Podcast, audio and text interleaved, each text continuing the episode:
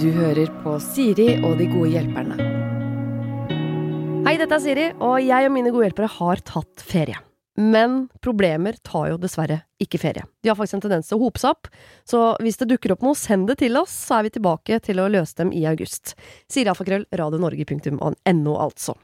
Men vi har samlet sammen noen eh, fine problemer fra i våres, som du kan kose deg med. Eller finne inspirasjon fra nå i eh, sommer.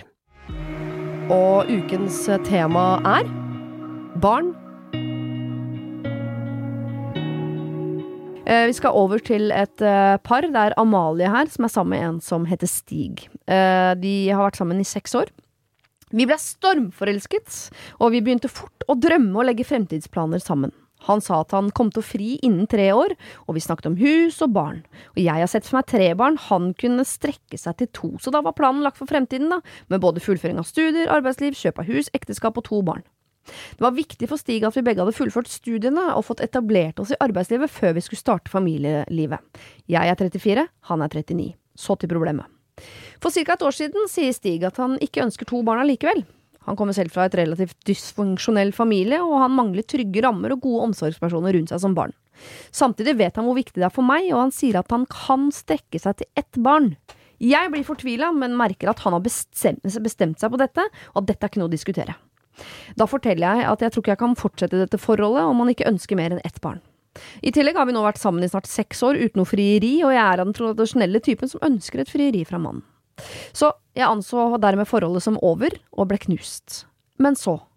Stig han kontrer da jeg er på vei til å flytte ut for å begynne på et vikariat i en annen by. Da sier han at jeg kan få et barn, og hvis det går fint, så kan jeg muligens få to. Det er nå ca. et halvt år siden. Jeg valgte med dette å gi han en ny sjanse, og vi blei enige om å fortsette som avstandsforhold mens jeg jobbet i vikariatet mitt. Nå har jeg bodd borte fra han i et halvt år, og det har vært ganske turbulent, der diskusjoner om barn, ikke barn, antall barn stadig er grobunn til diskusjon. Og Stig vil ikke bekrefte barn i fremtiden. Jeg har ikke så mye tid igjen til å se hva som skjer, jeg, jeg ønsker en avklaring fra Stig nå. Ved et eventuelt brudd så er jeg redd for at jeg ikke vil finne en mann som vil ha to til barn med meg innen det er for seint. Eller at jeg eh, ender opp med å slå meg til ro med en som ikke er like bra som Stig, for vi er tross alt veldig glad i hverandre og har det fint når vi ikke har det turbulent. Så kjære Siri og dine gode hjelpere, skal jeg gi dette forholdet en sjanse? På forhånd takk. Hilsen Amalie. Dette var også en uh, Knausgård-roman som jeg har uh, kuttet ned. Ja. Så hvis den virker i sånn stikkordsformat, uh, så ikke la det gå utover Amalie. Det er bare min skyld. Ja. Ja. Hun Altså- vil ha masse unger. Han Ja. kanskje en. Kanskje. Nei, men vet du hva, Eh, jeg må bare si, min ryggmargsrefleks da, ut ifra det du leser, det er bare kutt han ut og finn deg en mann som har lyst til å ha en stor familie. Det er liksom deg. Men så sier jo hun helt på slutten at de har det jo veldig fint sammen og er veldig glad i hverandre. Uh, når det ikke er turbulent. Men hallo, jeg har vel ikke hørt om noen som maser sånn om unger. Altså sånn, ja, jeg vil ha to eller tre. Det høres jo ut som det er liksom at en møtes og så planlegger en eh, giftermål og barn og hele framtida. Ting skjer jo litt etter hvert som det skjer, da. Men det som skuffer meg med han eh, Stig, det er jo det at han midt oppi dette her plutselig ombestemmer seg. Og da hadde ei alarmlampe lyst litt hos meg, da. Jeg er helt Ja. enig. Jeg føler han har liksom bare ridd på den bølgen og ja, ja, ja, og så tar jeg det senere, for at jeg har jo ikke lyst på barn i det hele tatt. Liksom, slapp av, altså, det ordner seg. Men når jeg har det på kroken, så er det jo eh, liksom Jeg føler at og veldig sånn jeg kjenner meg også igjen det at man er så forelska og sånne ting, at man velger å liksom se bort. Man velger å liksom Ja, men det går fint, det går fint fordi at Men jeg er jo sånn som har bestemt meg som veldig tidlig i livet at jeg skal aldri være avhengig av en annen manns penger, være av, avhengig av en manns kjærlighet. At liksom ah, Det må ikke gå på bekostning av deg sjæl. For du skal leve ditt liv, da. Eh, og hvis du drømmer så mye om et barn, og så er det noe med det å, å skulle få barn med et menneske som ikke har lyst til å få barn heller, det er ikke en god start. Det redder ikke forholdet, tror jeg. Nei. Eh, min, min mor, for eksempel. hun eh, eh, De hadde Mamma og pappa fikk to barn, og så hadde mamma Angra skikkelig. Eh, de angra etter tredje. men mamma hadde veldig lyst på et barn til. Ja. Og pappa var litt sånn litt usikker, men da sa mamma enten så blir det et barn med deg, eller så blir det et barn med en annen mann. Oi. Oi. Og hun mente det. Men Ja. pappa, pappa Da tenkte han absolutt, vi tar et barn til. Ja. Og i dag så angrer de noen dager, og de er veldig glad andre dager. det var meg. Ja, men, men de er fremdeles sammen, Du, de er dine. fortsatt gift. Ja, men da har vært sammen siden fint. mamma var 16. Men pappa var ikke sånn at han ville ikke ha barn i utgangspunktet. ikke sant? At det, var jo litt mer sånn bare Er du sikker på at vi skal ha Nå har vi fått to friske barn. Liksom, ikke sant? At liksom øh, Men eh, ja, så jeg tror øh, hun må Nå må hun kjenne litt på seg sjæl. Jo, for jeg tenker, Selv om Stig er veldig sånn ja, ja, ok, to Nei, ett. Nei, ingen. Ok, ett. Så tenker jeg sånn Når det er ett eller to barn eller hva som måtte komme down the line, så det er ikke sånn at han blir noe mindre glad i de barna. Han er bare redder i forkant, tror jeg. Sånn tror jeg i hvert fall det veldig ofte er. Selv om det er jo fint at når man skal lage barn, at begge har lyst på dette barnet, begge gleder seg og sånn. Eh, sånn er det jo ikke alltid. Men jeg tror nok at Stig kan bli en vel så fin pappa og vel så glad i barna sine som alle andre, men det er noe med at man Jeg liker jo ikke engang å, å trumfe gjennom at vi skal ha nye spisebordstoler, liksom. Og så skulle gjennom sånn Ok, jeg veit at du ikke vil ha unge, men det vil jeg, så her kommer den. Ja. Nei, det har man ikke noe lyst til, altså. Nei, en har jo ikke det. Uh, og når han er så usikker, og det er hit og dit og eh, så Nei, men så er det jo vanskelig å sitte på utsida og bare si at ja ja, nei, men da stikker jeg og finner meg en annen mann så jeg kan få tre unger med. Det er ikke lett det heller, for du skrur jo ikke av følelsene dine for det andre mennesket hvis hun er glad i han og elsker han, da. Så det, det er søren meg litt tricky, det der. Men han må slutte å vingle. Ja. For det er jo vinglingen han som er problemet her, tenker jeg. Ja, og han har jo en oppvekst som fortid som gjør at han vingler, så det er jo ikke helt uh, Altså, det er jo forståelig at øh, Men han man bestemmer jo også liksom selv hvordan man Selv om det har vært uh, kronglete, så kan jo han bestemme seg for at liksom, jeg skal ha det annerledes, da. På en måte. At liksom Han kan i hvert fall prøve. Mm. Uh, og jeg bare tenker sånn hvis jeg hadde vært henne, da, så hadde jeg kanskje da vært litt sånn usikker på Ok, jeg trumfer litt gjennom at vi får barn nå, og eh, sånn blir han, da? Eller sånn, altså, hvis han skjønner at nei, det, det her ville jo ikke jeg. At liksom det da Jeg, jeg, jeg syns den er vanskelig. Ja. Eh, jeg, eh, og så tenker jeg sånn, ja, hun har det veldig fint med han, men det finnes også ekstremt mange flotte mennesker der ute. Jeg tror f.eks. ikke at man har én sjelevenn. Absolutt ikke. Jeg tror man har ekstremt mange sjelevenner, og så en eller annen gang i livet må du velge. Du må ta et valg, liksom. Nå har jeg valgt deg. Jeg har bare lyst til å lese en setning om igjen, Ja. som står her. Eh, vi er veldig glad i hverandre og har det veldig fint når vi ikke har det turbulent. Ja, det, alle har det jo fint når de Ja. ikke har det dårlig. Altså, så det er liksom Ja. Det går ikke an å si. Det er annerledes. Jeg har det veldig bra når jeg ikke har det dårlig. Sånn, sånn er det bare. Så det, uansett hvem du er sammen med i hele verden, så har du det fint med han når du ikke har det dårlig med han. Mm. Så øh, hvis det er det på en måte Og det er det fineste jeg ser hun skriver om Stig i hele den mailen, er at de har det fint når de ikke har det dårlig. Ja. Så øh, jeg mener ikke at øh, Amalie skal gå fra stigen nødvendigvis. Jeg bare tenker sånn etter seks år, og det er veldig turbulent De bor ikke fra hverandre, de begynte sammen, nå bor de fra hverandre. Og så er det han du skal starte på den delen av livet sammen med, som er på en måte det vanskeligste samarbeidsprosjektet man har. Mm. Jeg er veldig glad for at når jeg gikk inn i prosjekt eh, oppdragelse av barn, at det var sammen med en fyr som jeg, hadde ikke, som jeg ikke bare hadde fint med når vi ikke hadde det dårlig. på. For det, det, blir litt, det blir jo litt dårligere der. I noen Ja, ja, svinger ja. og så er det fint eh, Ja, nei, jeg, jeg, er usikker på Stig, ass. Ja, Sorry. jeg ja. Nei, min ryggmargsrefleks er Nei, han må du faktisk bare legge på hylla, og så må du finne deg en annen. Så kommer hun da eh, Hun er jo redd da for at hun ikke skal finne en mann nå som hun kan få to-tre barn med. Hun er 34. Hun, oh, ja, så hun syns på en måte klokka tikker, og det begynner å nærme seg Ja, hun, ja det Hun tror at hun ikke skal rekke å få to-tre barn, hun. Ja, men det, det rekker hun fint. Hun er bare 34 år. Det går bra. Ja. Så er vi tre stykker nå som sier at Amalia skal gå fra Stig. Mm. Vi er nok det. det Det er er vondt, vondt. men, men Ja. livet er litt brutalt, da. Ja. S- Og så, Av og til må, må det bli litt vondt før det blir mm, godt igjen. ja, og så Ja. tenker jeg litt sånn uh, Det som er viktig for henne nå i ettertid, er jo noe med det at liksom uh, Det er kjipt, og uansett hvem som slår opp i et forhold, uansett, så er det alltid kjipt. Det er jo ingen som på en måte vil det på en måte. Um, men jeg tenker nå er det veldig viktig at hun lar seg selv liksom innse at det, er over og det er kjipt. Mm. Men så må hun veldig bevisst sånn i hodet sitt liksom, dette er valget jeg har tatt selv. Og Ja. ikke grave seg ned i den spiralen Ja. at jeg kommer aldri til å finne noen, og å, det var han og Men så, dette jeg gjort, og nå kommer det til å bli bra. Ta vare på deg sjøl. Liksom. Jeg er veldig sånn positiv innstilling. Dødsviktig. At hun Ja. liksom For da øh, vil nok kanskje andre, en annen skjelven dukke opp. Hvis du liksom er klar. Ja, så kom jeg på en ting også, øh, som jeg kom på nå, fordi eh, hun har jo begynt å diskutere dette med barn veldig tidlig. egentlig. Mm. Ikke sant? Fordi det virker som de omtrent var sånn Hei, hva heter du? Stig Amalie, hyggelig. Hva tenker du om unger i giftermål og de greiene der? Ja.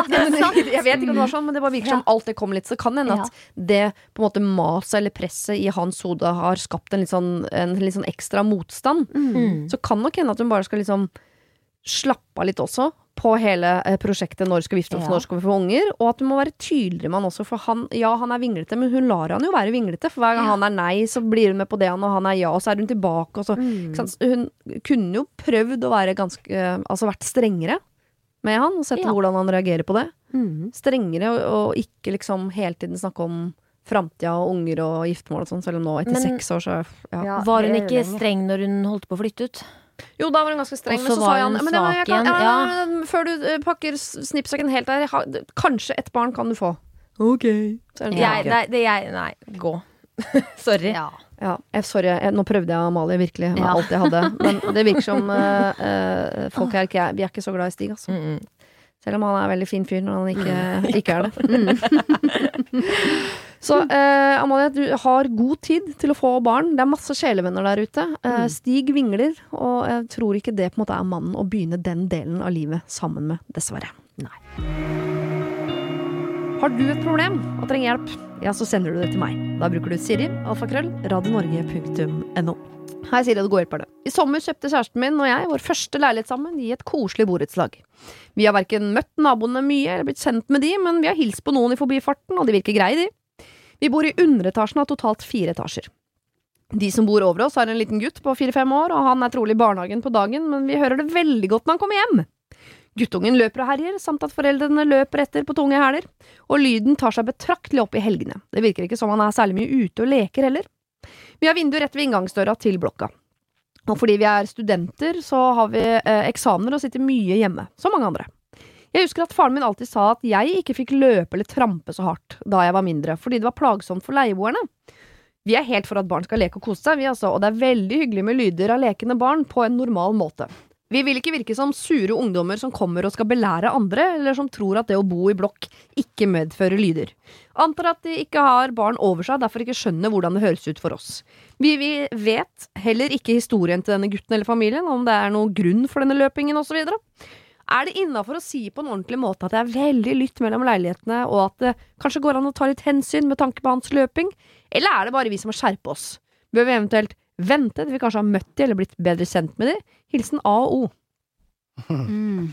Ja da, jeg husker jeg var sånn sjøl også før, ja, da jeg var uh, ung. Jeg er glad du sier det. Ja. Mm. for dette, det var, jeg husker det var jeg gjorde til mitt, Det første intervjuet jeg gjorde, så ble jeg spurt hva er du liker på å bo på Sensen og ikke bo på Sensen. Så svarte jeg at det er slitsomt med alle dere ungene som det var en fin måte. sånn. Du kunne gå og ta det via pressen, ja. Ja, jeg gjorde det. Da gikk Astrid Gunnestad og hun venninna hennes fra Helsepartiet knallhardt ut mot meg. Det var første gang jeg sa det i avisa. Fikk jeg masse kjeft i programmet som het Hurpe, eller hva det er for noe. ja, for, fordi at du klarte Riksmeglerne? Meg- Megne, ja, nettopp. Ja, ja, ja, ja, P4. Ble Skjelt ut etter noter her. Det var jo egentlig litt fortjent. Ja. Eh, fordi det er jo ikke noe eh, Du kan jo tenke sjøl at det er sikkert slitsomt å bo under en familie med en litt bråkete gutt. Eh, -hmm. Men det som er enda mer slitsomt, er å bo inni det huset sammen med den bråkete gutten i den leiligheten. Som de foreldrene har litt sympati da, for søren. hele døgnet, året rundt. De har aldri fri! Så egentlig så er det ikke noe å gjøre med det, bare barn er der, liksom. Ja, og Mm. selv om du sier fra, så kommer den ungen til å springe. Ja, heller, selv om du sier fra til foreldre, så du kan på en måte ikke stoppe Men den ungen slutter å springe om et par år. Ja. Eh, så du kan, hvis du flytter nå, så kan du risikere å havne under en annen unge. Eh, men hvis du bare holder ut et par år, så kommer den ungen til å slutte å løpe. Ja, ja. Så mye, da. For da kommer han til å få iPad og så Ninjago og alt det greiene der. Ja, om noe så burde de anonymt levere en PlayStation uh, på døra og noe, og noe spill. Ja. Så sitter han og gamer han herfra ut. Heter det Ninjago, forresten? Ninjago. Nei. Det er Lego og Ninjago. Er jeg trodde det het Ninjago. Jeg, jeg, jeg, har, jeg har bare jenteunger, så jeg vet bare hva My Little Pony sånn heter. For det kan man godt tro som foreldre at man eh, oppdrar dem kjønnsnøytralt, men det går ikke an! Nå kommer riksmengene, og du får dem på nakken Jenter har rosa klær, gutter har blå klær. Får ikke gjort noe med det. Jo, jeg er jo helt enig, for man syns jo alltid egentlig at i den fasen man er i, så har man veldig forståelse for den fasen man er i, og så må alle andre rundt ta hensyn, og så glemmer man det. Det er akkurat som når man er russ, så syns man at alle skal liksom forstå at det å være russ er veldig viktig, og så er man ferdig med å være russ, syns man russ er idioter. Sånn er det. Sånn går livet, ikke sant? Mm. Så eh, det er klart at de som har småbarn, tenker sånn åh, dette er slitsomt, men selvfølgelig skal ungen få lov til å løpe rundt, og det er jeg helt enig i. Og grunnen til at han ikke løper ute nå, så mye nå, er fordi det har vært vinter. Det kommer til å endre seg. Mm. Men eh, det betyr vel ikke at selv om man er i sin egen lille boble, at man ikke kan ta noe hensyn. Så altså, en eller annen sånn kan dere, Går det an å løpe uten skoa på inne? Ja. Altså, et eller annet, Ja, liksom. det klart. Ja, i og med at det, det var ikke bare ungen som var plagsom her, det var nå også foreldre som trampa rundt i hæla. Ja. Mm. Det, kan jo, det, det Men er lov å si litt- det, med en veldig Ja, sånn ydmyk tone. Ja, det må være veldig ydmykt. Jeg brukte bare å ta kosteskaftet opp i taket. Ja, det er veldig Det er veldig ydmykt. Ja. Du kan jo si sånn, du veit hva, vi, vi vet jo det her er ikke lett for dere å gjøre noe med. Nå bare, vi, shot in the dark. Hvis det er mulig for dere på noen måte Å få dempa den lyden, eh, for det er litt slitsomt for oss som skal studere og sånn. Mm. Uh, uh, Sjøl om sannheten er at vi bare har lyst til å sove til klokka elleve hver uh, morgen i helgene. Mhm. Eh, så kan dere Vi eh, bare hadde satt pris på hvis det var mulig. Hvis ikke, så skjønner vi det. Det må være tonen, liksom. Ja. Det går nok sånn å bare montere sånne eggekartonger oppi taket sitt, da. Ja, så kan du starte band i sangslengen. Mm, eller podkast. Ja. Ja. Ja, jeg syns også man Eller- kan si fra om det, men det er noe med selv om Man har jo fått de beskjedene en gang som er sånn Det er ikke noe problem, altså. Og hvis ikke du gjør noe med det, så skjønner jeg det kjempegodt. Og det er ikke Mm. noe problem, men kunne du dempet det? Det eneste jeg hadde hørt i den beskjeden, var sånn Demp da.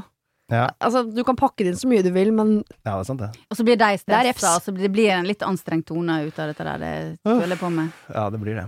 Men det er ikke vits å noe- vente til de har blitt bedre kjent. Det er det nesten bare Da ville jeg heller tenkt sånn Hvorfor sa du ikke fra før? Ja, det er sant. Ja, men skal, hva skal du gjøre? da? Gå og ringe på døra, eller kanskje ta det på en dugnad Ja. eh, i gården? ja. Nei, åh. Ja, Men noen- og det er, du, du, Ørepro, ha på ørepropper. Våre eldste lyttere ville kanskje sagt sånn I gamle dager så var det noe sånn at ungene måtte innrette seg etter de voksne. Og det er Mm. nettopp derfor eh, A eller O-er er oppvokst med en far som sa sånn Vær litt stille, du plager leieboeren. For sånn var det før. Ja. Ja. Mens nå er vi veldig sånn Barn skal få lov til å leke overalt. Om det er inne på en Mm. restaurant og de kaster kaker rundt. Sånn er det å være unge. Ja, sånn Det er er jo litt mer den stemningen nå. Det er sant, det. Eh, eh, jeg tenker at det kan være greit å møtes på midten der innimellom. Så jeg synes en eller annen beskjed kan man vel gi. Men jeg tror uansett så kan ikke du kontrollere en unge som springer. Nei. Selv om den ungen får beskjed om at nå må du ikke springe her inne, så kommer han til å gjøre det likevel. Altså, jeg hadde blitt så rasende hvis det var noen som Nå er det jo ingen som bor under meg, men så kom noen eh, studenter opp Ja. og så ba oss å være litt sånn rolig. Når jeg står der med haka eh, Altså, jeg med bustete hår klokka fem I dag sto jeg på 05.20, for eksempel, for å bare redde stumpene av et uh, Av en baby. Som var gæren, gæren baby klokka 5.20. Ja. Eh, For da orka ikke Linn mer, og da tok jeg over. Og det er bare at hvis noen skulle kommet og sagt at unnskyld, går det an å Nå er det Vet noe skriking. Ja. Vet du hva? Det, eh, det hadde nok vært uh, uh, udiplomatisk tone fra meg, altså. Ja, man har jo vært om bord i et fly hvor ungen din gråter, og du får sånn himling med øynene og utpust fra de andre som prøver å kose seg med rødvinen sin, men det er litt Mm. vanskelig for babyen din skriker. Ja, så får du sånn stressyndrom sjøl for at du prøver å holde, holde kjeft på ungen din. Ja. Nei, Hvorfor blir man, får man barn? Vet du? Jeg skulle, hvorfor i helvete har vi barn? Jo, nå, nå, nå husker jeg det. Jo, jeg, jeg leste en er undersøkelse om det, Ja. faktisk, i Aftenposten for mange år siden. Mm. Den ene gangen jeg leste Aftenposten, jeg prøvde å bli smart, jeg slutta med det. Og da sto det at å få barn er en veldig dårlig investering i kortsiktig lykte, lykke, men det er en god investering i langsiktig lykte. Så, så Lykte. her Lykte. jeg, er ikke så, Det er sant, det. jeg bruker ikke begrepet lykke så ofte, skjønner du. Bruker mer sorg. Det er som jogging, da. Ja, men det er, ikke, det er ikke noe gøy. Det er ikke så koselig akkurat nå, men når du blir eh, 70 år og, og vil feire julaften med familien din, så angrer du ikke et sekund på de greiene der. Så barn og PT-timer, det er samme greia. Absolutt. Mm. Men jeg beklager at jeg glemte Jeg tror barna mine er forstoret. At jeg klarte å leve meg helt inn i Men nå som jeg husker tilbake til å ha barn som bråkte hvis noen da hysjet Ja. Hei, så sint man blir. Ja. Oi, oi meg. Altså, jeg trekker tilbake alt jeg har sagt, og har én beskjed til AO. Dere må ikke finne på å si fra om det greiene. Men altså, jeg skjønner at dere er irritert, altså. Ja, ja, ja. Sånn er det bare. Men det går ikke an. Det er, de Nei. har det bare helt sykt mye verre enn dere. Ja. Kjøp øreplugger eller noe. Mm. Kjøp øreplugger eller noe. Eller noe. eller. Eggekartong. God, gode hjelpere. Vi skal eh, til en eh, gravid kvinne. Der har vi vel eh, vært, alle mann alle, i et rom. Mhm. eh, hei. Først litt om oss. Jeg og mannen min har vært sammen i snart fem år. Vi er 30 og 38 år gamle, og har to, han har to barn fra før. Tidlig tenåringer. Jeg er gravid! Og i og med at jeg tross alt er eh, 30, så var det helt sikkert på tide, det. Og dette barnet er etterlengtet, altså. Våre foreldre, besteforeldre, søsken, venner og kollegaer har alle ventet på dette. Mamma spesielt, som har mast og mast i årevis om flere barnebarn. I vennegjengen er det mange som har barn, og flere av dem har vært gjennom uønskede aborter og prøverørsbehandlinger osv. Mannen min er også veldig glad for dette barnet. Men det er ikke jeg. Jeg føler ingenting. Og når jeg tenker på det, ser jeg bare problemer og utfordringer. Det skal sies at jeg aldri har ønsket meg barn, det har aldri vært et behov for meg. Likevel så så jeg for meg at hvis jeg en dag ble gravid, så kom lykkefølelsen til å bare flomme over, at jeg kom til å google babysaker nonstop, at jeg kom til å strikke i alle verdens små nusselige klær til dette barnet, osv. Men jeg orker altså ikke. Jeg har ikke googla noe som helst, og til mine tantebarn og gudebarn og sånn, så har jeg strikket masse tidligere, og jeg elsker å være tante og gudmor. Likevel så finner jeg ingen glede i å selv vente dette barnet. Jeg er over tolv uker på vei, jeg har selv valgt å eh, beholde barnet, og vi har ikke fortalt noen om graviditeten, ikke engang barna til mannen min. Men nå må vi snart gjøre det, altså. Jeg er relativt eh, lita, og det begrenser seg hvor lenge jeg kan skjule denne voksne magen. Men jeg orker bare ikke tanken på å fortelle noe som egentlig er en så gledelig nyhet, og som jeg vet andre vil bli lykkelig for, når jeg ikke klarer selv å finne den samme gleden. Jeg kan jo nevne at fastlegen min strålte av glede da jeg for et par uker siden øh, var der, mens jeg ble sittende helt uttrykksløs med en stor klump i halsen. Så kjære dere, hvordan skal jeg finne lykkefølelsen? Å, du er Oi. meg! Jeg, er det å, ja, så deilig! Altså, ja. ja. Jeg, Mm. jeg eh, eh, Og så- skal man jo vokte sine ord veldig, sant, i tilfelle gutten min hører dette, fordi han er jo øh, lyset i mitt liv, og jeg elsker den ungen så høyt at, at jeg blir ko-ko av det. Men den dagen jeg liksom fant ut at jeg var gravid, så var jeg heller ikke sånn som rulla meg i lykkefølelse. Jeg, jeg gråt litt, faktisk. Mm. Jeg gråt fordi jeg tenkte nå Å nei, nå kan jeg, må jeg slutte med de tingene jeg elsker. Ja. Styre mitt eget liv, ha 100 frihet. eh, Og hele og graviditeten kan du få billig av meg. For å si sånn. Jeg var ikke en sånn glødende gusseklump som lyste innenfra, som bare gikk og trulta rundt og koste meg. Jeg gråt på helsestasjonen, jeg gråt hjemme. Jeg ble kjempetjukk, jeg hadde masse vann i kroppen, jeg veide over 100 kilo. Altså, det Jeg stopper var der før du bare gjør det verre for øh, men, og så kom kidden, Ja. og så løste det seg sjøl. ja. Sant? Og, det, og jeg var ikke sånn helt sånn ko-ko fortjust i den aller første småbarnsfasen heller, men det, du, det er bare å glede seg. Det, det, det, kommer. Det gjør ingenting. Bare si til deg sjøl at det, dette her er normalt. Du er ikke alene. Det er bare det at uh, sosiale medier og, eh, og en del andre eh, steder hvor man ser andre folk, skaper et sånt bilde av at alt må være sånn å, gender reveal party, da vi kjøpte inn glossy ballonger, og så blir vi dusja ned av rosa eller blå konfetti, og vi er så lykkelige at vi holder på å sprekke. Nei, du er ikke aleine om å føle det litt sånn overveldende og mangel på den der enorme lykkefølelsen. Det er eh, Sånn var jeg òg, og det, det kom av seg sjøl. Ja. Men du må ikke stresse. Du må ikke føle Jeg også fortalte det til folk rundt meg. Jeg, jeg lot være å fortelle det til mange, og jeg helt at det ble så synlig. For jeg bikka jo 100, som jeg sa, så det ble jo klart det ble vanskelig å skjule etter. Men, men jeg trodde jo veldig lenge at ingen så det, helt til jeg så- bilder av meg sjøl. Det var jo da mannen din sa at Ingeborg, du veier tresifra. Ja, nå har du bikka tresifra! Da var det feiring på helsestasjonen, og jeg gråt. Men jeg tror rett og slett at du bare skal tillate deg sjøl å bare stå i det at det lykke, den boblende lykkefølelsen, den, eh, den er ikke der enda. Nei, og det er slett ikke sikkert den kommer med en gang ungen er ute heller. For det er jo mange som opplever eh, depresjon etter eh, å ha født et barn. Og jeg tenker jo hvis du er tolv uker på vei, så har du kanskje ikke fått noe forhold til den Til det du har i magen i det hele tatt. Og jeg merka jo jeg merka Jeg har vært gravid tre ganger, eh, og den første gangen jeg kjente noe sånn bobling i magen og et lite spark, så begynte jeg å få et forhold til at det faktisk er noe som vokser inni meg. Mm. Og det er ikke nødvendigvis sånn at du får en lykkefølelse av den grunn, men du begynner å kanskje skjønne at ok, det er et individ da, som jeg kanskje må ta litt vare på her. Ja. Eh, og mm, jeg, jeg har hatt utrolig sånn derre nøkternt forhold til all, alt som har med barn å gjøre. Mm. Eh, jeg var heldig og ble ganske fort gravid. Jeg hadde vært sammen med mannen min i fem år. Det var naturlig at vi skulle få barn. Eh, jeg vokste, fødselen gikk normalt, bank i bordet. Eh, og har vel liksom sånn kjent at den euforien som mor har kommet fordi jeg nå har ungdom i huset. er det lov å si Så det sånn? gi deg gi deg en gode 15 år, så, så er du der. Men, men jeg mener at vi er så forskjellige. Vi er så forskjellige. Alle mennesker, alle mødre. Og som du sier, sosiale medier ljuger. Ja. Eh, Ja, det er så hva, mye kan vi bare slutte? propaganda. Hold opp med det. Ikke, og det, det er fint at du ikke driver og googler så fælt. Kan du ikke bare prøve å oppleve dette, og la det vokse mm, bokstavelig talt? Men det er jo ikke bare på sosiale medier. Det er jo eh, eh, All kulturen har jo Ja. alltid på en måte vist den lykkefølelsen. Jeg tenker, Nå kjenner jo ikke jeg innsender her, men det er ikke sikkert hun er en sånn typisk sprudlende og lykkelig person heller. Jeg kan si sånn Nå er jo da to barn, en på 11 og en på 9. De har jo aldri vært noe sånn «Wii!» og strikket og baka cupcakes og googla meg til blods. Det har jeg aldri vært, men jeg er jo like glad i barna mine som. Karoline Berg Eriksen, er som er så, hvor alt bare er lyserosa, og det er konfetti hele tiden. Og da tenker jeg at eh, hvis du tenker at du ikke er glad i den barnet ditt før den lykkefølelsen er der, så er det helt feil. Ja. Det er altså man må ikke føle på Det er jo, vil jo alltid være Man er konstant redd. Mm. eh, man er eh, konstant liksom, trøtt i mange år der. Det er mye annet også, så lykkefølelsen Jeg vet ikke helt, det. Nei, men det er jo frykt, ikke sant? Det er Ja. jo frykt for, for hva, hvordan skal jeg eh, takle dette? Og det er klart at den kan knuge i hjel den lykkefølelsen.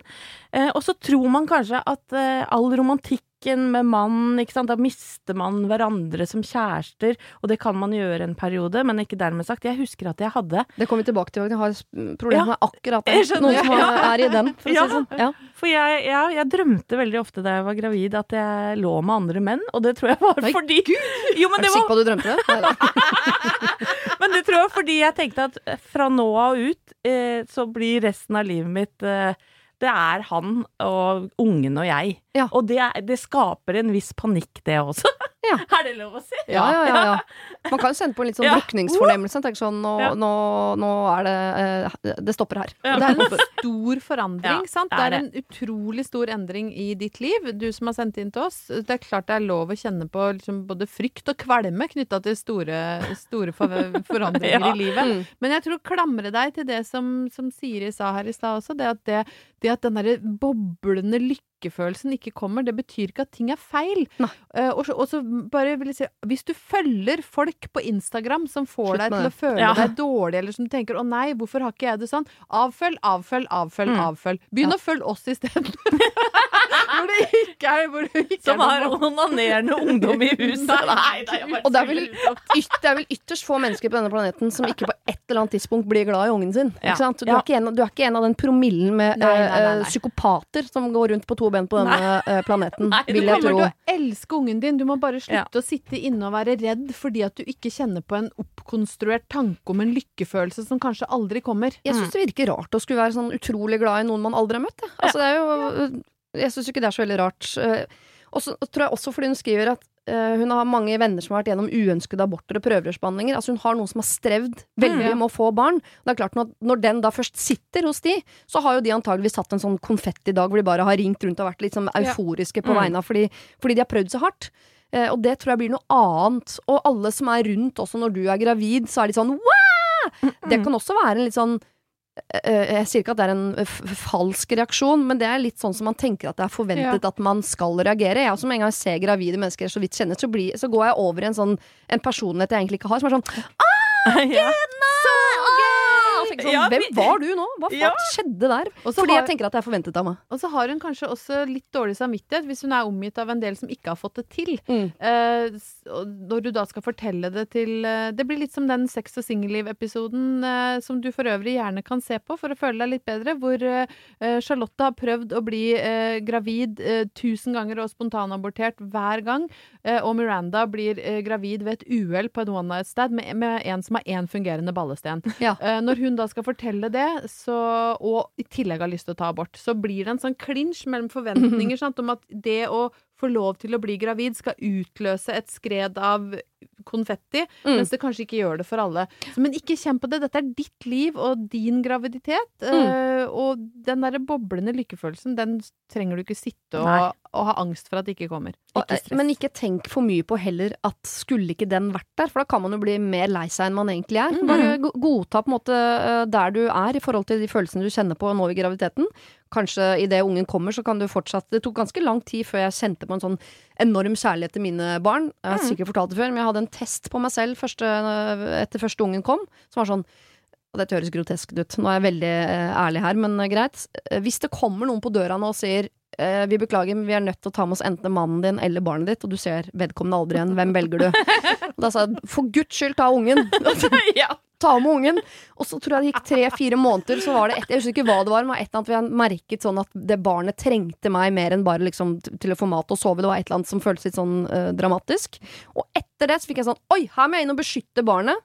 Følte meg veldig nære barnet. Og da hadde jeg samme tankeeksperiment. Noen kom på døra med må ha mannen eller ungen. Sånn, ta gubben. det går veldig fint. Ja, men jeg tror det går litt i bølger, akkurat den der. Du kan prøve testen nå, så Det går litt opp og ned fortsatt. dårlig dag. Så ikke tenk at det er unormalt. Tre av tre her har kjent på noe av det samme. Den lykkefølelsen kan være skapt. eh, og eh, det kommer til å gå bra. Du kommer til å bli glad i den ungen. Mm, Og fortelle på den måten du vil. Så ikke du forteller det i det hele tatt, så ikke fortell det i det hele tatt. Kommer til å synes på et eller annet tidspunkt. Har du et problem og trenger hjelp, ja, så sender du det til meg. Da bruker du Siri, alfakrøll, radionorge.no. Hei, Siri og dine gode hjelpere. Min mann og jeg har fått sønnen vår hjem etter at han er ferdig med førstegangstjenesten. Han er 21 år, oppegående, utadvendt, hyggelig gutt. Men han er veldig lat og er lite interessert i å skaffe seg jobb før han eventuelt skal begynne å studere til høsten. Han har søkt mange studieplasser, men vet foreløpig ikke om, han kommer inn på noen av dem. Han har kjæreste som har skaffet seg 100% jobb etter endt førstegangstjeneste, men det hjelper visst ikke, i forhold til å motivere han da til å finne seg jobb. Problemet mitt er at dette tærer veldig på forholdet mellom meg og min mann. Vi har vært sammen i 30 år, vært gift i 26 av de. Og det blir stadig krangler mellom oss fordi mannen min irriterer seg over unggutten som sover til langt på dag, spiller på PC med gutta boys hele ettermiddagen, kvelden, natten, og bryr seg fint lite om andre ting rundt seg. Vi ser, at, uh, han, vi ser han kun innimellom når han er oppe på kjøkkenet for å få seg litt mat. Jeg er fornøyd med at han oppfører seg pent, gjør ting når jeg vil eller vi ber han om det, han holder sin del av huset i god stand, han gjør rent, han skifter på senga, han vasker klærne sine osv. Med andre ord, det er aldri nei i hans munn i forhold til å hjelpe til. Vi har sagt at siden han ikke er interessert i å skaffe seg jobb, så må han i hvert fall betale sin egen mobilregning og trening, og det gjør han. Han har jo fått en god sum fra Forsvaret, som han nå driver og tærer på. Men mannen min skal absolutt ha dette med at han ikke kommer seg opp om morgenen, ikke gidder å søke jobb osv. ved enhver anledning, gjerne over middagsbordet. Og dette gjør at det alltid er litt dårlig stemning. Og jeg blir kjempelei meg, og sønnen vår blir irritert og går fra bordet. Med andre ord, veldig dårlig stemning i heimen. Sønnen min vet at jeg er på hans side, sikkert ikke så lurt altså, men det gjør så vondt i mamma og hjertet når han får kjeft hele tiden. Hva syns dere? Er jeg for snill? Skal han få lov til å fortsette som han gjør, eller bør vi være enda strengere, som mannen min da vil at vi skal være? Jeg vil selvfølgelig ikke kaste han ut av huset, da blir det nok heller mannen min som blir kastet ut, og forhåpentligvis så reiser han av gårde igjen i august for å studere, og så blir han mer voksen og fornuftig etter hvert. Han er jo veldig god gutt på alle plan ellers. Jeg håper dere vil ta tak i problemet mitt, og at dere har noen gode løsninger på lur. Hilsen en dumsnill mor som hater konflikter. Ja, en som Dette er meg om ti år. En som har hatt en konflikt her, kan jo begynne på. Jeg syns jo han høres ut som en ganske eksemplarisk, det der med at, en, at han faktisk eh, At han klarer å betale for noen ting sjøl og, og regjere på sånn. Det, jeg, det tror ikke jeg hadde gjort hvis jeg bodde sånn. Men jeg syns det høres litt rart ut at han skal ha fri eh, halve mai, juni og juli. Han er 21 år. Ja. Det er ikke vanlig. Nei. Det er ikke vanlig. Det, tenker, jeg- det var ikke det, Selv om det er vanskelig å få sommerjobb, så kan man ja, men da må du få de rareste du- jobber. Du kan eh, alltid få en dårlig sommerjobb. Enig med du. Det kan du få til. Jeg ja, men jeg syns det er to og en halv måned uten jobb unaturlig. Du kan jobbe med å brette ut kasser på gamlekolonial.no. Altså, det er, det, er, det er mye eh, jobber der som, som kanskje du ikke er eh, Altså du er overkvalifisert, men du kan likevel ta den jobben. Vi har jo hatt mye drittjobber, alle vi tre. Jeg Eh, elsker sommerjobber. alle mine sommerjobber, ja. Ja, jeg Jo, men det har vært mye mye ræl vi har gjort. Ja, ja. Sånn, eh, jeg satt nede i Nasjonalbiblioteket og kopierte opp noen sider fra noen gamle bøker liksom, Ja, en ja. hel sommer. Ja. Eh, helt til bibliotekaren sa Du vet at vi kan gjøre det der for deg. Du kan bare si Og da Men Oi, jeg var jo da hadde jeg gjorde, det var to måneder. du bare var på biblioteket, du. jeg, Fikk du betalt, var, eller? Jeg fikk betalt av et firma, da, som da bibliotekaren sa det er helt unødvendig at du sitter og gjør. Altså, bare gi oss sidetallene, så hent Det er liksom vår oppgave. Han sitter der i uke etter uke, men det var så stort, det Nasjonalbiblioteket, og ingen Ja. som liksom så meg før etter to måneder. Hva er det du driver med? Nei, jeg sitter Kopierer. og kopierer og Nei, det trenger du ikke gjøre. Åtte uker. Det, det, er du, du, du visste ikke at det fantes Den morsomste sommer... Altså, jeg blir mobbet av mamma, pappa og søsteren ennå, liksom, for den sommerjobben. Ja. Tenk at du ikke liksom Altså, du Men- gikk bare men forbi bibliotekarene. det, det, er noe, er irriterende med sånne voksne folk som sitter og snakker om at ja, jeg jobba mye, jeg jobba mye. For Ja, da det man, er er man jo en annen uh, generasjon plutselig. Jo, men det er lov å mobbe, Men mobbe folk som ikke jobber. Men jeg tror, ja, fordi selv om det jo ikke Jeg syns det er rart å ha to og en halv måned fri. Er du, ser du på meg som du er uenig, Siri, men jeg synes det, det er ikke naturlig, det. Ikke når du har vært i militæret og har slappet allerede. Men det eneste, for jeg er jo for sånn man skal studere og man skal jobbe, alle de ting, der skal man gjøre. Men nå har han antakeligvis da eh, gått alle disse årene med skolegang som han skal gå.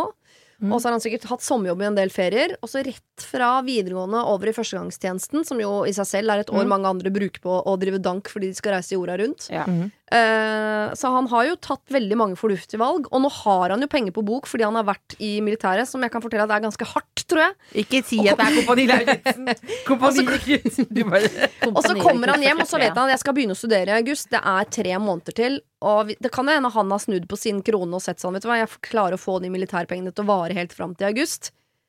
Men da Jeg, jeg tar meg tre er måneder fri. Han det det. bor jo hjemme, så det er jo ikke reelt at han, at han har råd til det.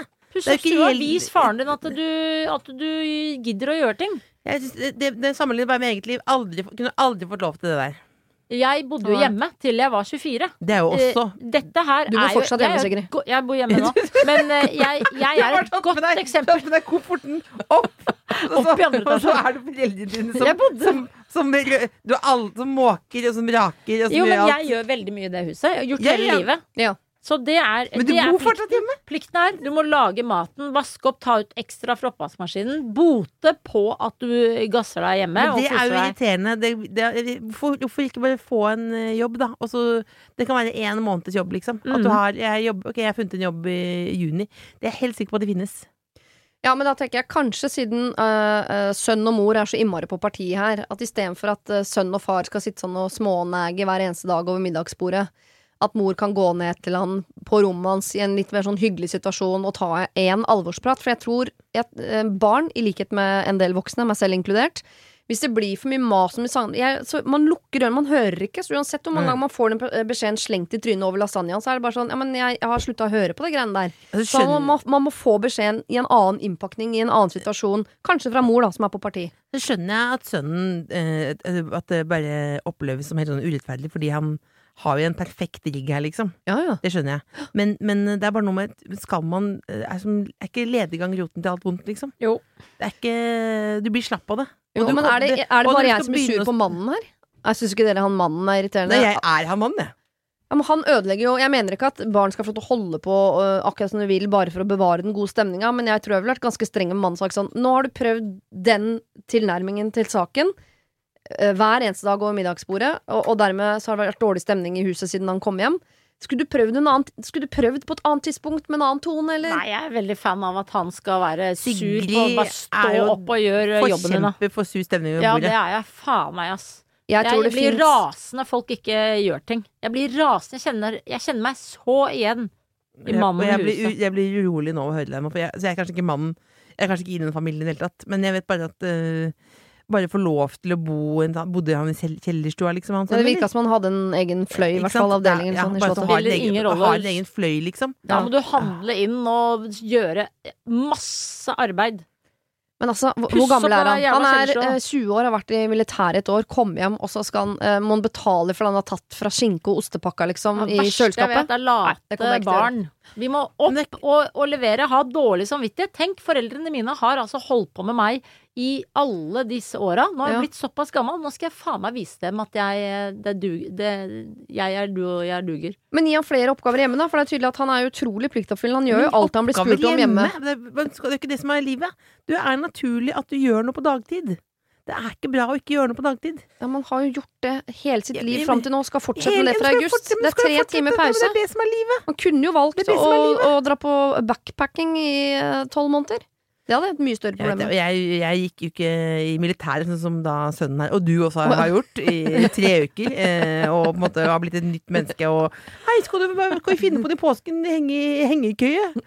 Bare, herre min natt. Hengekøyetrenden har ingenting med militæret å gjøre. Jo, jo, men der var det at alt var utendørs, Ja og det er liksom Vi står i planken mens vi prater, og det er ikke Herregud, herre min hatt.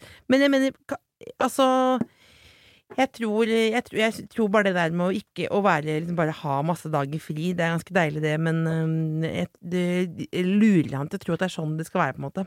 Men han må få lov til å ha noe ferie også. Han kan Nei, ikke ja, ja. jobbe nå eh, 24-7 fram Maks en måned ferie. ja, ok. Ja. Juli fri. Men hvordan skal, de få, hvordan skal de få han til å skjønne det? Er det mor som skal det, eller er det far? For den neginga til far hjelper jo ikke. Moren skal, Mor moren skal, tusle, moren skal tusle ned der. Eh, når han er enten rett før når han står opp, eller sånn på morgenen, og han, når far er ute, kanskje. Eh, og så tar du den praten som du Kan foreslo. godt, si, kan godt si far er et rasshøl. Ja. Jævlig irri. Men dessverre, vi må bare Han har rett i noe. Ja, du, må ikke, du må ikke kaste faren helt under bussen heller. For da Jo, bare gjør det. nei, nei, jo, men, da, men det, For det er, det er Altså, hun er jo litt Hun kaller seg sjøl dumsnill, liksom. Og konfliktsky. Ja. Og det, er- det er klassisk mor som dyrker sønn. Jesus Christ. Hvis hun hadde hatt en datter, hadde hun sagt sånn Kom igjen, da! Vært sur på henne. Ikke driv og dyrk sønnen din. Nei, Det er jeg noterer, Hører du, tenk- Siri? Tenker du på Ja, sønnen men din? jeg, ja? jeg, jeg, jeg, jeg hører det, men jeg vet at jeg kommer til å gjøre det. Ja, Når han blir, faen. så jeg kommer til å, å smøre matpakka hans til han er 35, hvis det er det han trenger. Ja, Jeg fikk smurt matpakke hele Westerdals av pappa. ja ikke sant? Altså, Ble kjørt til Westerdals, faktisk. Jeg trodde jeg hadde gull i ræva, men det er jo helt sjuke. Jeg husker sånn 18 år, så var det sånn nå, Det var veldig hyggelig å ha deg med på ferie, nå er du voksen. Nå Så da du var ikke ha lenger. var ikke jeg med på ferie. Nei. Ikke Jeg ute måtte, ut, i jeg måtte lage middag hver uke fra fjerde klasse. Ja, det er tidlig, ja. Mm, det er lille. Alle har sine greier, men jeg syns bare døde. Jeg syns de må Det er moren din Jeg var bare Den forestillinga har vi sett. Jeg bare tuller. Men eh, jeg synes bare det er Han virker som en så eh, stødig og fin fyr. Så jeg syns bare eh, det er så synd at det, at det skal ødelegge en potensielt veldig koselig familie ved at man skal sitte og krangle hver eneste dag over middagsbordet. Jeg, hadde, jeg tror bare jeg hadde blitt eh, jeg, Det er et stort tema, det er teit å ta opp nå, men jeg tror det er en del skilsmisser rundt om i vårt land. Som egentlig er skilsmisser som er eh, fordi man orker ikke mer krangling rundt det med ungene. Så det er egentlig ikke noe galt med paret. De bare fikk ikke til liksom, det der familiegreiene ordentlig. Og så må det gå Jeg tror det er ganske mange voksne som er bitre på barna sine fordi de egentlig synes sånn Dere har ødelagt! Ja. Og det er det heldigvis veldig få som gjør. Det skal man heller ikke gjøre. Men jeg tenker hvis de to Skal nå Hvis de skiller seg fordi hun er så sur på mannen sin fordi mannen er så sur på ungen, så det, det er så unødvendig. Skal hun gå ned og si det, da? Hvis ikke du får deg en jobb, så kommer pappa og jeg til å skille oss. Ja. Ja, Det hadde selvfølgelig vært en trussel som hadde funka, men så er det jo Skal man true med sånt? Det, tror jeg kanskje ikke er så lurt. Altså, det er skjønner- veldig fristende. Jeg er enig med deg, Siri. Jeg skjønner den der at hun er mer glad i ungen enn mannen. Det, det er jeg helt enig med henne i, men det Men har du aldri vært fritsatt til å si til barna deres nå hvis ikke dere slutter å krangle nå, så orker ikke mamma å være sammen med pappa lenger, så da flytter jeg et annet sted. Lykke til. Det ligger veldig i toneleie hjemme hos oss. Jeg trenger ikke å si det så jeg har ikke sagt det så langt, men det ligger vel Det ligger, Det ligger det, og presser eh, bak i gangen Men, det. men han kommer til å si at ikke de jobbene finnes. Det kommer han til å si. Men da må du bare tenke at eh, det finnes jobber eh, som ekstrahjelp og eh, eh, vaskehjelp, som jeg har vært veldig mye. Det er, får du til. Altså Selv Tommy Steine har kunne jobbet på Kiwi. Det er sant. Men han fikk jo komme i VG da, med Ja, det. det er sant.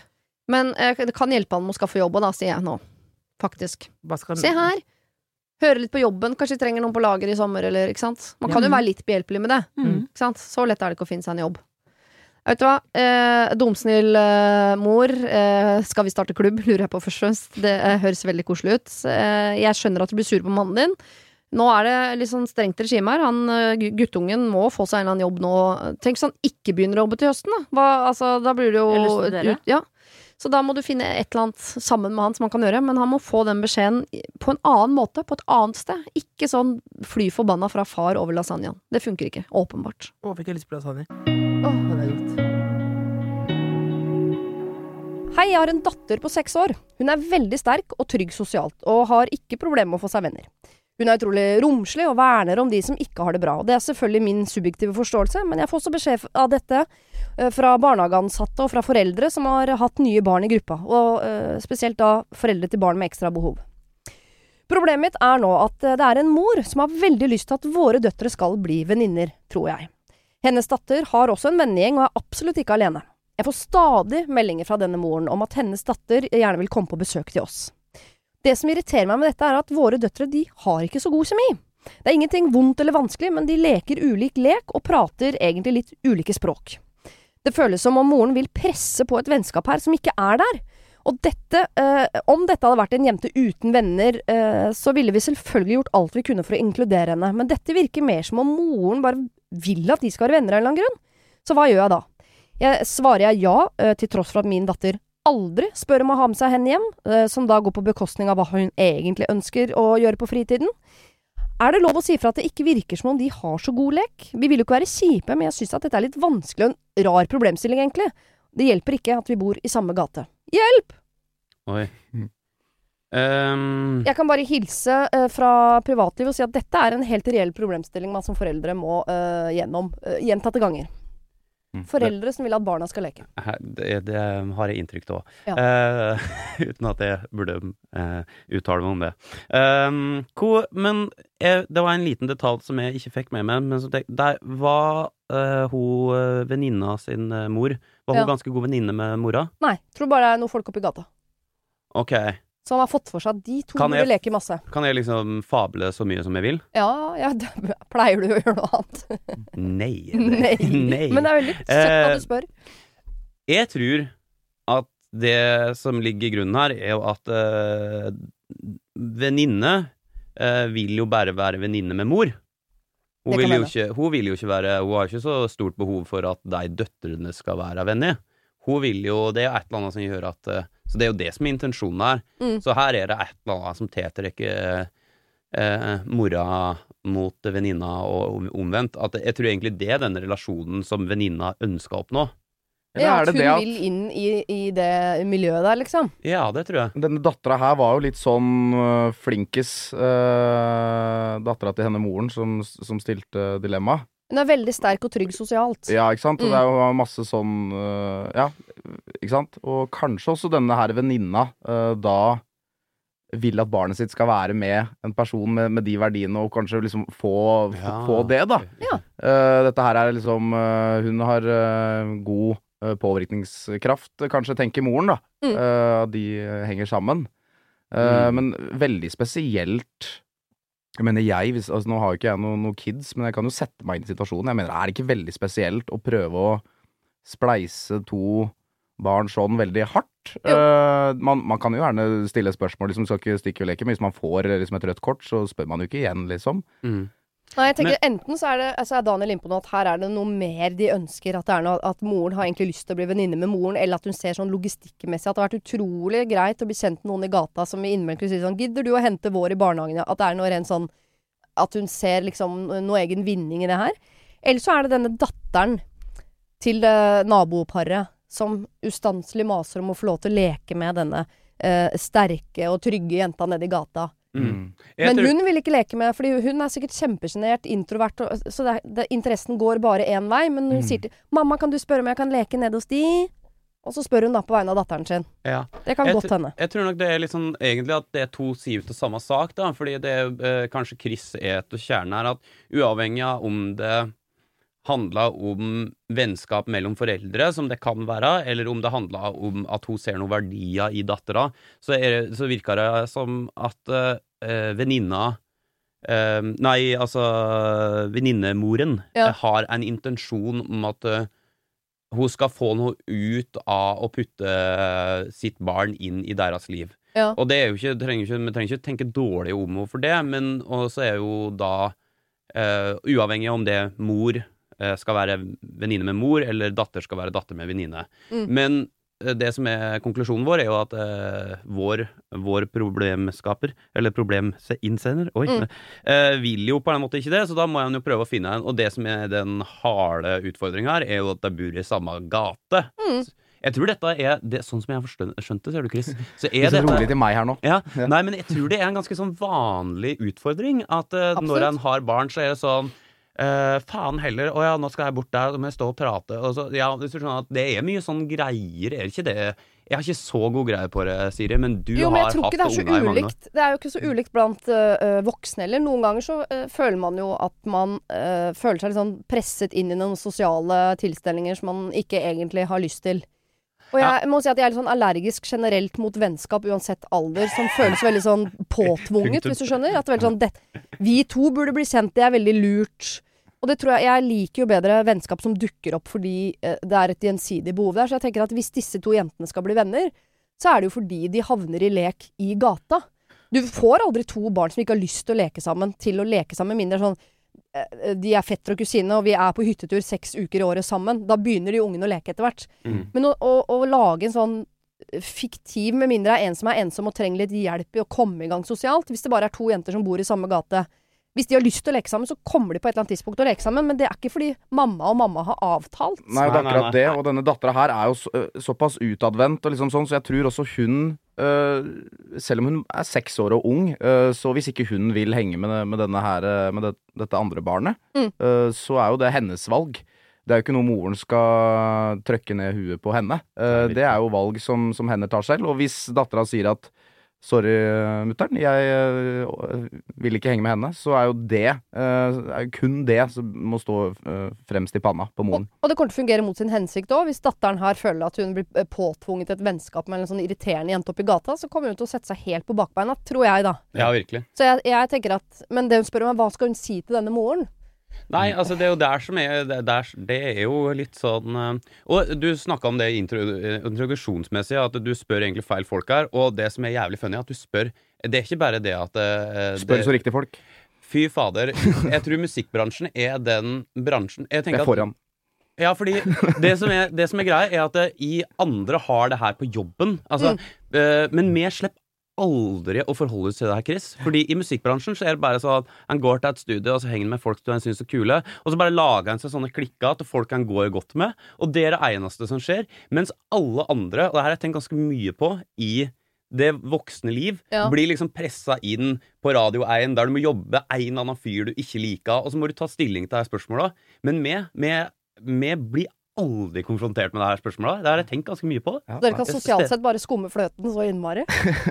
Jeg tror vi er fått skjerma for veldig mange vanskelige avgjørelser i forhold til sånn. Men uh, kjenner du igjen i dette? Jeg er 100 Ja. enig. eh, Så du har jo Fasiten kommer her nå. Det er jo rett og slett uh, for moren å bare Flytte? Flytte? Nei. nei Dattera klarer seg fint uansett. Nei, eh, jeg tenker at hun må bare liksom si det på en hyggelig måte. At her syns jeg faktisk barna skal få, få, få bestemme. Og det er som du sier, at hadde dette her andre barnet vært helt venneløst, så hadde man så klart prøvd å inkludere henne, men det virka ikke som var caset her. Nei. Og da syns jeg liksom la, la, la barna få, få styre det her. Jeg syns egentlig det er en god, enig, eh, god, god Der er du Enkle god, ofte altså, Chris. beste. Nå er du god. beste. Ja. Jeg tenker jo Når du Chris, lager låt med Frida Ånnevik, eller du eh, Daniel lager med Gabrielle, så er det fordi dere liker å leke sammen. Det er ikke foreldrene deres som har satt dere sammen i, i duoer. Det, det nekter jeg å tro.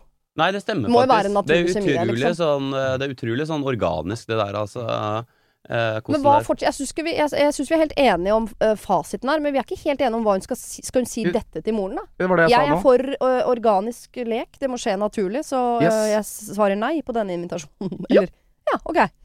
Ja. Men man kan vel legge opp noe sånn eh, Datteren min er ute og leker i gata, kan de ikke bare møtes tilfeldig der, eller Man vil jo Ja, ikke være kjip, liksom. Jeg syns liksom Chris sitt budskap er det riktige, men jeg tror at det ville vært sånn, sånn som du sier, at det på en måte pakker inn på en måte. Sånn, på en måte sånn ikke Det er ikke noe vits å si sånn Nei, de liker ikke hverandre. Eh, men du er veldig god på sånt. Kanskje Ja, men for det kan snu hele tiden. Altså, jeg, jeg, min datter har jo bestevenninnen den ene dagen som hun dagen etter ikke tåler trynet på. Så er de, altså, de, det går jo veldig opp og ned hele tiden. De er jo ekstremt fram og tilbake og opp og ned. Vil du si at hun er i slekt med det? Ja, tidvis. tidvis er hun det. Men eh, nei, jeg vet ikke hva jeg hadde svart denne moren. Jeg tror, altså jeg hadde antakeligvis ikke svart. Det er sånn, Å nei, gud, den meldingen! Jeg har latt som sånn. Sorry, jeg var på jobb, så ikke meldingen din Men før kanskje ikke sette dem i en situasjon hvor det er, hvor det er de to aleine. Kanskje som du sier, da, hvis det, er, hvis det skjer noe, eller det er et arrangement hvor, det er, hvor den- dattera hennes er der, så liksom inviter kanskje hun, eh, hun andre med på det. Ja. Uh, hvor det er liksom flere. Eh, at de ikke putter de i liksom den derre Nå skal vi to leke, nå skal dere to leke sammen. Nå skal dere bli uh, venninner. Nei, og de er jo uh, De er jo seks år gamle, så jeg tipper de får lov til å leke litt i gata, liksom. Så jeg tror jeg bare ville eh, Arranger et eller annet i sånn gata, da, så Jeg ville sagt jeg, må, jeg sender datteren min ut nå om en halvtime, og da kommer hun til å være litt på lekeplassen eller sykle litt rundt. yes. Så kan du ikke bare be datteren din Så, så møter de hverandre også, der. yes, ja. Ikke sant? Så virker det litt mer sånn tilfeldig møte, og hvis kjemien er god, så leker de. Ja. Enn sånn Nå kommer hun du ikke liker om en halvtime, og dere skal bygge Lego. Mm. Altså, Og hvis hun da spør igjen, så er det lov til å være litt streng, vel. kanskje. Litt streng. Det var det. Husk å sende ditt problem til siri at radionorge.no om du vil ha hjelp. Denne podkasten er produsert av Klynge for Bauer.